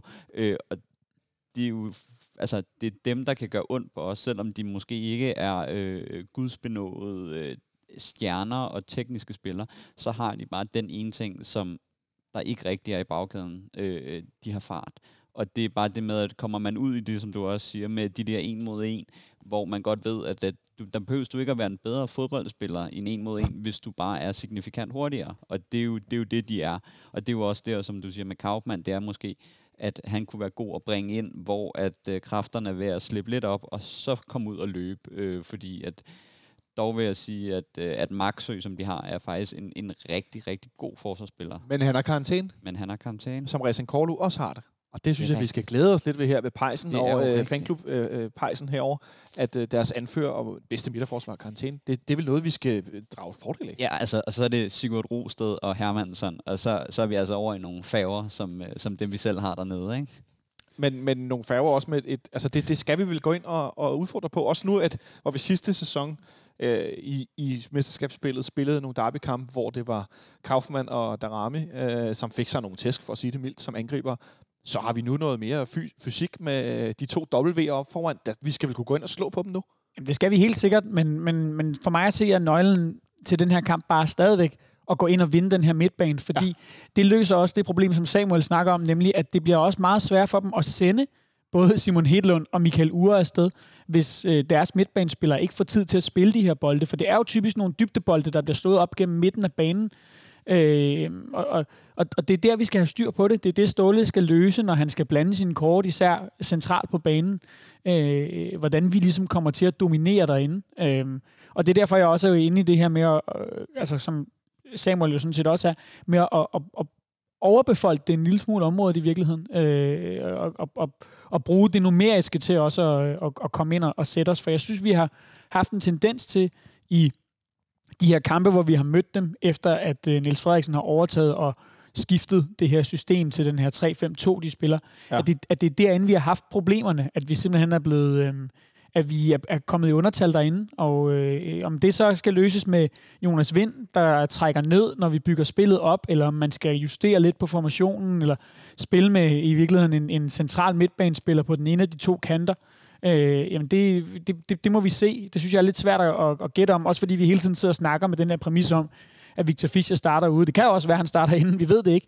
Men altså, man skal i hvert fald blande kortene på en måde, så man løser det, for det, det for mig at se, er det nøglen til at vinde kampen. Og det er jo også det, at, at, at de seneste par kampe, vi har spillet mod dem, har det jo også været noget, altså det har været nogle låste kampe, hvor at, at, at, at, at man kan sige, øh, der er vi kampen lever deres eget liv, og bla bla bla. Men det er jo også det med, at, at, at det er kampe, hvor man, man spiller taktisk ud for at begrænse de andres muligheder, frem for måske at fremhæve sine egne. Fordi man godt ved, at, øh, at det måske er kampe, man ikke skal tabe, og der er ekstra pres på, og det ved spillerne også. Derfor er det jo, altså, det er jo låste kampe, og vi har jo ikke generelt spillet særlig godt i de kampe, hvor hvis vi sådan på papiret kan sige, vi har et bedre hold, øh, vi burde kunne slå dem øh, flere gange, end vi egentlig gør, og, og kunne spille bedre, men det bliver bare noget låst, fordi at så bliver det sådan lidt øh, nogle kampe på midtbanen, som man, øh, man prøver at lukke ned, og så kommer det bare sådan lidt enkelte chancer hister her, ikke?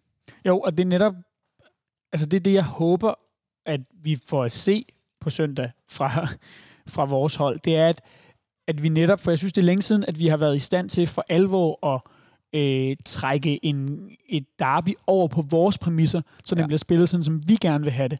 Og så det er, øh, så det er dem, der hele tiden skal ligge og reagere på vores spil. Øh, I stedet for, at det bliver øh, hvad hedder det, lidt for meget duel, og lidt for meget 50-50, og lidt for meget... Sådan vil perioder af kampen nok blive. Det kan man ikke undgå. Måske også især de første 10-15 minutter. Men jeg håber, at, at vi ligesom, når, når så kampen begynder at sætte sig, at vi også sætter os på kampen. Ja. Fordi Vi dominerer ikke på samme måde. vi har ikke været gode nok til det, synes jeg. Øhm, og, og, og, og det synes jeg blandt andet øh, øh, har været på grund af, at vi har haft en lille smule svært ved at løse dem rent taktisk, efter at, øh, at Niels Frederiksen han har taget over. Ja, jeg er ikke uenig. Øhm, helt kort, øh, inden vi går og- gætter på kampens resultat. Hvad er dine forventninger, Samuel? Øh, ja, hvad er mine forventninger? Øh, altså, det er som om, at øh, efter vi ikke kunne komme på stadion, så er det lidt blevet slået ud igen. Altså, jeg har ikke skænket den så mange øh, tanker. Øh, og det er nok også, fordi jeg ved ikke, hvad forventninger jeg skal sætte øh, til det, fordi at, at Mm, ofte så tænker man også kontra dem, og når man kigger på deres trup, så er det jo ikke, altså, der er ikke, altså, der er ikke rigtig noget, hvor jeg tænker, wow, ham her, han kan, han kan afgøre kampen på deres øh, præmisser. Men det kan jeg jo godt tænke for os, og det er jo selvfølgelig klart, jeg er jo farvet, fordi jeg er FCK-fan, men det er bare, der er ikke noget der, hvor jeg tænker, det her, det er sådan, øh, det er det, vi skal være opmærksomme på. Men alligevel, så ender det med sådan en, en, en rigtig kedelig derbykamp med lidt chancer for skud. Så jeg, jeg, mine forventninger er nok, at at jeg vil stille mig tilfreds med, med en sejr, men, men jeg tror, at... Og du vil du alligevel? Det vil jeg alligevel, men det er også at gå langt her sådan søndag. Men, øh, men nok, øh, at, at, at det kommer sent. Altså, at, øh, at det skal være sådan noget øh, fra det, altså, som der også har været mange af afgørelserne. Altså, Ja. ja. det er i, i, efter det 80. 20. minut, der sker noget. Ja, det er din forventning. Øh, Sent sejr, er det det, jeg Ja, hører? ja. ja. Jeg, jeg synes, jeg har siddet herinde et par gange i, i sidste sæson og sagt det her med, at jeg kunne virkelig godt tænke mig, at, for jeg har det på samme måde, når jeg kigger ned over Brøndbys holdkort, godt tænke mig, at vi gik ind for en gang skyld og viste, at, øh, at vi er et bedre hold. Øhm, og, og, og, og selvom at, at jeg har blevet skuffet et par gange, så tror jeg et eller andet sted, det er stadig min forventning, fordi jeg synes, Brøndby har en middelmodig trup. Ja. Jeg synes, vores trup er meget, meget, meget bedre. Øh, øh, både, jeg synes, vores hold er bedre kollektivt, jeg synes, vores hold er bedre individuelt. Jeg synes, at, at vi har så mange flere strenge at spille på, øhm, og, og det er lidt som om, sådan, du ved, altså, jeg forventer for en gang skyld, også fordi at spillerne stadig har et eller andet at skulle bevise i Superligaen i forhold til den her runde. Altså, gå nu ind og ligesom sådan spil en, en, et derby uden at forfalde til Brøndbys niveau, vil jeg næsten tillade mig at sige det. Øh, ja. Altså, øh, at kampen skal spilles dernede, hvor de er, i stedet for at vi spiller den deroppe, hvor vi er. Øh, det, det forventer jeg, og så tror jeg også, at det stadigvæk, på trods af det, kan blive tæt, og kan blive en sen afgørelse, og kan blive alt det her, men, men det først og fremmest er det det, jeg gerne vil se. Jeg håber, en ting er, hvad man forventer, jeg håber, vi kan spille os rundt om deres øh, taklende midtbane, som formodentlig består af øh, Frandrup, Slimane og Lasevin, eller Radojevic på en af de her øh, pladser. Øh, det er jo tre spillere, der takler mere, end de, øh, de spiller. Øh, og det vil være noget, som... Altså, hvis vi kan spille os rundt om det, så er der oceaner og plads. Øh, så længe at, øh, hvad hedder han, Max søger karantæne, så spiller Anthony Young den venstre forsvar af de her tre i bagkæden. Det betyder, at den unge Peter Bjur har spillet venstre ving, venstre bak. Øh, og nu, nu er vores hø- højre side ikke ligefrem prangende for siden, men det er jo der, vi skal kunne sætte ind. Det er jo det rum derude, og ja, om det er Per Biel, om det er Fischer, om det er Falk, der spiller den der højre midt, eller Jens Dahl, om pokker der er, sammen med hvem der nu spiller højre bak. Det er jo der, det er jo der vi skal kunne sætte ind. Men, men Ståle har jo også sagt det før, at når vi møder Brøndby, og det gælder nu, det galt også, øh, da vi mødte dem, øh, mens Alexander Sorniger var træner, sætter du tre fornuftige afleveringer sammen nede for vores bagkæde, så har du 30-40 meter op gennem banen til at angribe deres bagkæde, fordi at de går højt i presset, fordi at de har de her wingbacks, hvor der helt automatisk opstår noget rum nede bagved. Og det handler bare om at have den her coolness til at spille de her bolde, og det er jo i øvrigt en af grundene til igen, at jeg håber, vi får Falk at se i en central position, fordi det er ham, vi skal bruge til at spille dem. Ja, og det er helt klart, at det er jo det der med at spille udenom deres pres, som du også snakker både centralt, men også når det, det første pres kommer fra deres forsvarsspillere, altså hvor de tonser ned. Det er jo også det med at, at spille klogt, og at tage tilbøjelighed til med, at øh, man kan sige, angribernes primære rum, det er jo ligesom at lukke forsvaret af, sådan, så der er en, øh, en øh, midterforsvar og en bak, og man ligesom lukker af, så deres eneste spilmuligheder ender, øh, vil man jo have, at de spiller en lang bold op. Og så øh, er det jo ikke, fordi vi er forholdsvis stærke øh, i hovedspillet mere på samme måde, som vi havde en Døje eller Cornelius. Øh, og det er jo deres, og det er jo her, hvor man virkelig bare skal have tålmodigheden og køre den rundt, vende den, indtil man så ligesom kan se den, den, den aflevering, man enten skal lægge øh, direkte ind i banen, eller så ud på en, øh, på en kant. Fordi ellers så bliver det nemlig bare, at så tvinger de også til at sparke langt, og så bliver det sådan en, en, øh, en slåskamp på midten, hvor det primært bliver at, at vinde anden bold, ikke? Jo, og hvor deres tremandsforsvar jo, øh, altså, simpelthen bare i hvert fald i sidste sæson, også selvom, øh, øh, altså næsten uanset hvem vi stillede med derop, så fordi de var så meget i overtal og er så store og så tunge, så har de bare for vane at vinde det, hvis det skal blive et duelspil. Det er simpelthen for svært at spille derop i undertal. Øhm, så vi skal have Jonas Vind ind og spille på forsiden af de her tre stopper, og vi skal ned og spille ned om fødderne på dem, for de er langsomme. Øh, det havde de været selv, hvis Andreas Maxø spillede. Han er også langsom. så sådan, øh, det, det, og det er derfor, jeg siger, kom ud bag, ned i rummet bag deres wingbacks, kom ind mellem øh, deres, øh, deres midterforsvar og deres centrale midtbane. Det, det er der, øh, mulighederne de er. Og så det sidste emne, vi desværre kan undgå at vende meget ganske kort til sidst. Vores nye øh, centerangriber, der burde have scoret i hvert fald to mål i går, skal nu møde sin tidligere klub, og det der med, hvad han siger, hvad han ikke siger, det er ret ligeglad med. Jeg tænker mest inde på banen. Det virker ret tydeligt på nogle af Brøndby-spillerne, som om, at de skal ind og give ham en ordentlig, øh, en ordentlig omgang. Hvordan tror I, det kommer til at spænde an? Øh, altså, jeg tror, øh, øh, jeg tror, der bliver gået til ham, men jeg har en eller anden idé om, at jeg tror faktisk primært, at det bliver de yngre spillere, som måske føler Brøndby rigtig ind under huden, øh, hvilket jeg måske også selv kunne se for mig, at det er dem, der føler måske, at endnu mere, at han øh, pisser på deres klub, som, øh, som de synes, at, at det måske der, der bliver øh, gået til ham, at det faktisk måske er nogle af de yngre, som, øh, som ligesom vil sætte ham på plads og sige, at det gør man ikke øh, over for Brøndby. Rosted, som er forsvarsspiller, som var ude på sin, sin Twitter-profil og indirekte giver udtryk for, at, øh, det var han ikke så vild med den her beslutning, som han havde taget. Øh, kunne man godt Nej, Anton Skipper, ikke? Det var Skipper. Var det ikke også Rosted? Nej. Nej, Skipper. Blander jeg dem sammen? Ja, ja, for Rosted er jo svensker og hentet ind. Han, ja, det tror jeg ikke, han går så meget op i. Det, det, det var Anton Skipper. Det, ved det, var, jeg. det behøver det ikke engang tjekke. fra Domisi og Dario Dumit, som havde lagt sådan noget op. Det var ja, ja. alle de, øh, hvad kan man sige, dem, der har haft deres opvækst i Brøndby, som tog det. Men jeg er sådan set også, øh, for, for at sige det lige jeg, jeg, jeg er fløjtende lige glad. Jeg vil bare sige, øh, fordi øh, han har ikke specielt meget øh, goodwill i min bog.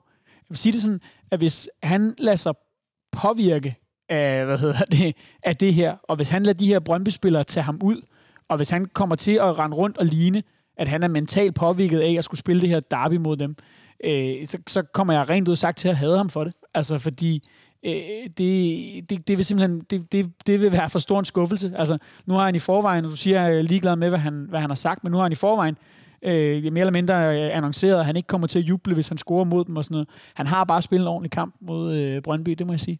Og så tror jeg jo også bare, altså det er måske lige, faktisk en fordel for ham, at der ikke er tilskuere, fordi at han ligesom, at det er, øh, altså det, det er et kæmpe parameter i sådan en kamp, selvom der ikke er Brøndby-fans, fordi øh, altså øh, er vi bagud i en derby-kamp, og han laver en dårlig aflevering, så øh, ved jeg godt, hvad der sker op fra tribunen. Og det her, det kan han fjerne fuldstændig. Fuldstændig, og kun fokusere på spillet, så jeg tror for ham er det en kæmpe fordel, fordi han ved, det kan godt være, at vi står og kaster ting ud af altanen derhjemme, men det er ikke noget, der påvirker det gør ham. jeg selv. Det kan han ikke høre. Men det påvirker ham ikke direkte, og det tror jeg faktisk er en fordel, fordi som, som vi alle ved, at altså, at det snor, han har, hos nogen har han ikke engang noget. Det, det, det skal han ikke tænke på, at der bliver kom, råbt noget, eller buet, eller der er ikke nogen, der øh, siger noget, når hans navn kommer op. Så han kun skal tænke på fodbold. Men nemlig det, som du siger, hvis man tager sig ud af, at der er nogen, der går og siger noget til ham, eller skubber lidt ekstra til ham, ikke? Det, er, det er der, hvor man skal være mentalt stærk. Jeg vil sige, hvis, hvis jeg nogensinde skal nå til et punkt, hvor jeg for alvor accepterer hans tilstedeværelse i den her klub, så, så må han simpelthen ikke lægge ud med at spille et dårligt derby. Altså, jeg, jeg synes, der er meget pres på ham her. Jeg synes, at, at han... Øh, øh, dels mener jeg, at øh, altså, han skal score, før jeg er rigtig tilfreds, men jeg mener også bare, vi, vi, skal, altså, vi skal se ham gå ind og levere en 120% præstation, også med nogle af de her, synes jeg, lille smule uheldige udtalelser, han har fået øh, Øh, øh, lidt, lidt halvuheldige ting i min bog, han har fået sagt om Brøndby, jamen så vil jeg bare gerne se ham gå ind og være der 120 procent, når vi så rent faktisk spiller mod dem. Fordi så kan man i det mindste krydse der listen og tænke, okay, så har han da øh, lagt det bag sig, og han er så rutineret, og han er så dygtig en spiller, så, så det, skal han, det skal han kunne. Så kan jeg for lige indskyde, at øh, I selvfølgelig, som altid, har fuldstændig ret, og Sigurd Rostad har ikke skrevet om Kalmi Vilcek. Hans sidste tweet derimod er fra 12. juli og lyder følgende. Parken og dommer, prik, prik, prik. Så øh, ikke så aktiv, men øh, vi var alligevel lidt med. Du markerede så her til sidst, Ja, men han, altså, han ved jo godt, at øh, det bliver endnu værre, når DBU flytter herind. Så bliver det Vi skal lige rive noget ned her om bagved.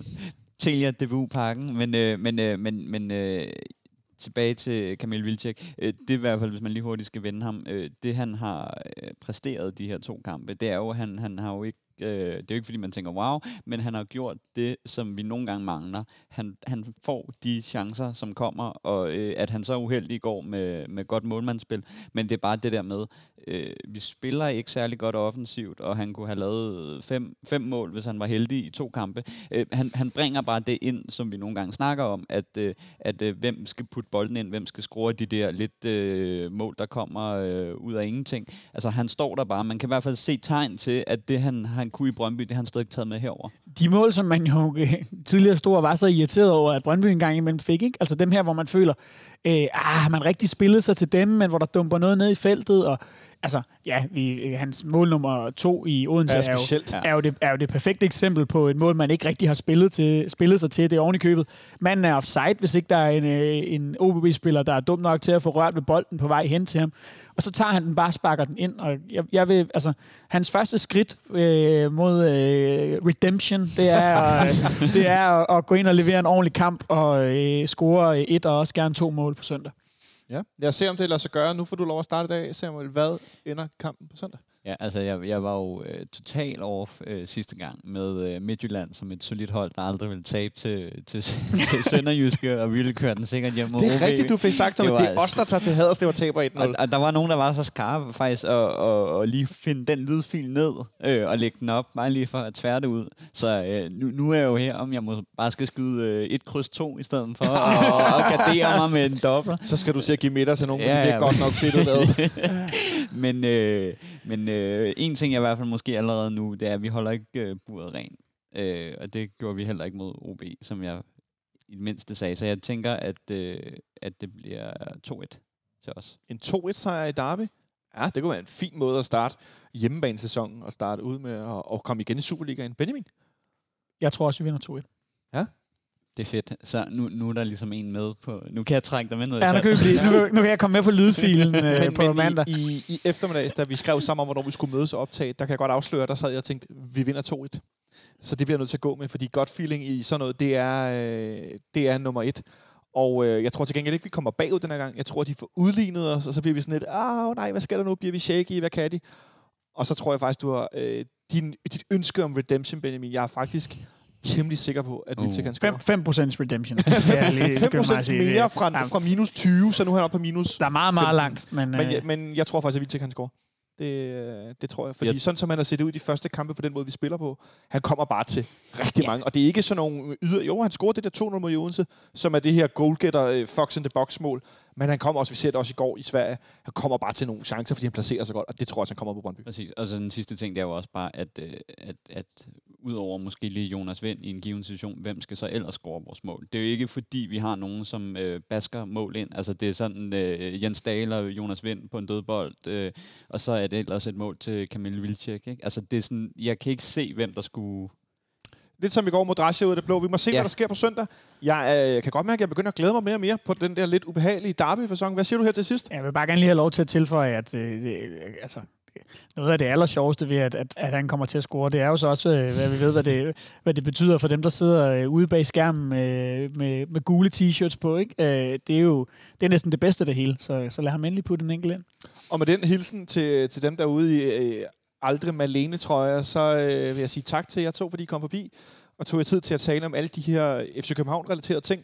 Og tak, tak til dig derude, fordi du lyttede med. Det var øh, som altid en fornøjelse. Fornøjelse. Øhm, vi er tilbage igen på mandag, forhåbentlig stadigvæk i noget, jeg vil kalde øh, opløftet humør, og med lidt mindre derby for jeg kan godt mærke, at jeg begy- synes, de begynder at snige sig ind på mig. Øh, så øh, god kamp derude på søndag. Øh, nu må vi jo nærmest ikke mødes med nogen, så øh, hjem foran en tv-skærm, og så husk, hvis dine naboer er Brøndby-fan, at banke på og give dem en tudekiks eller noget af den stil.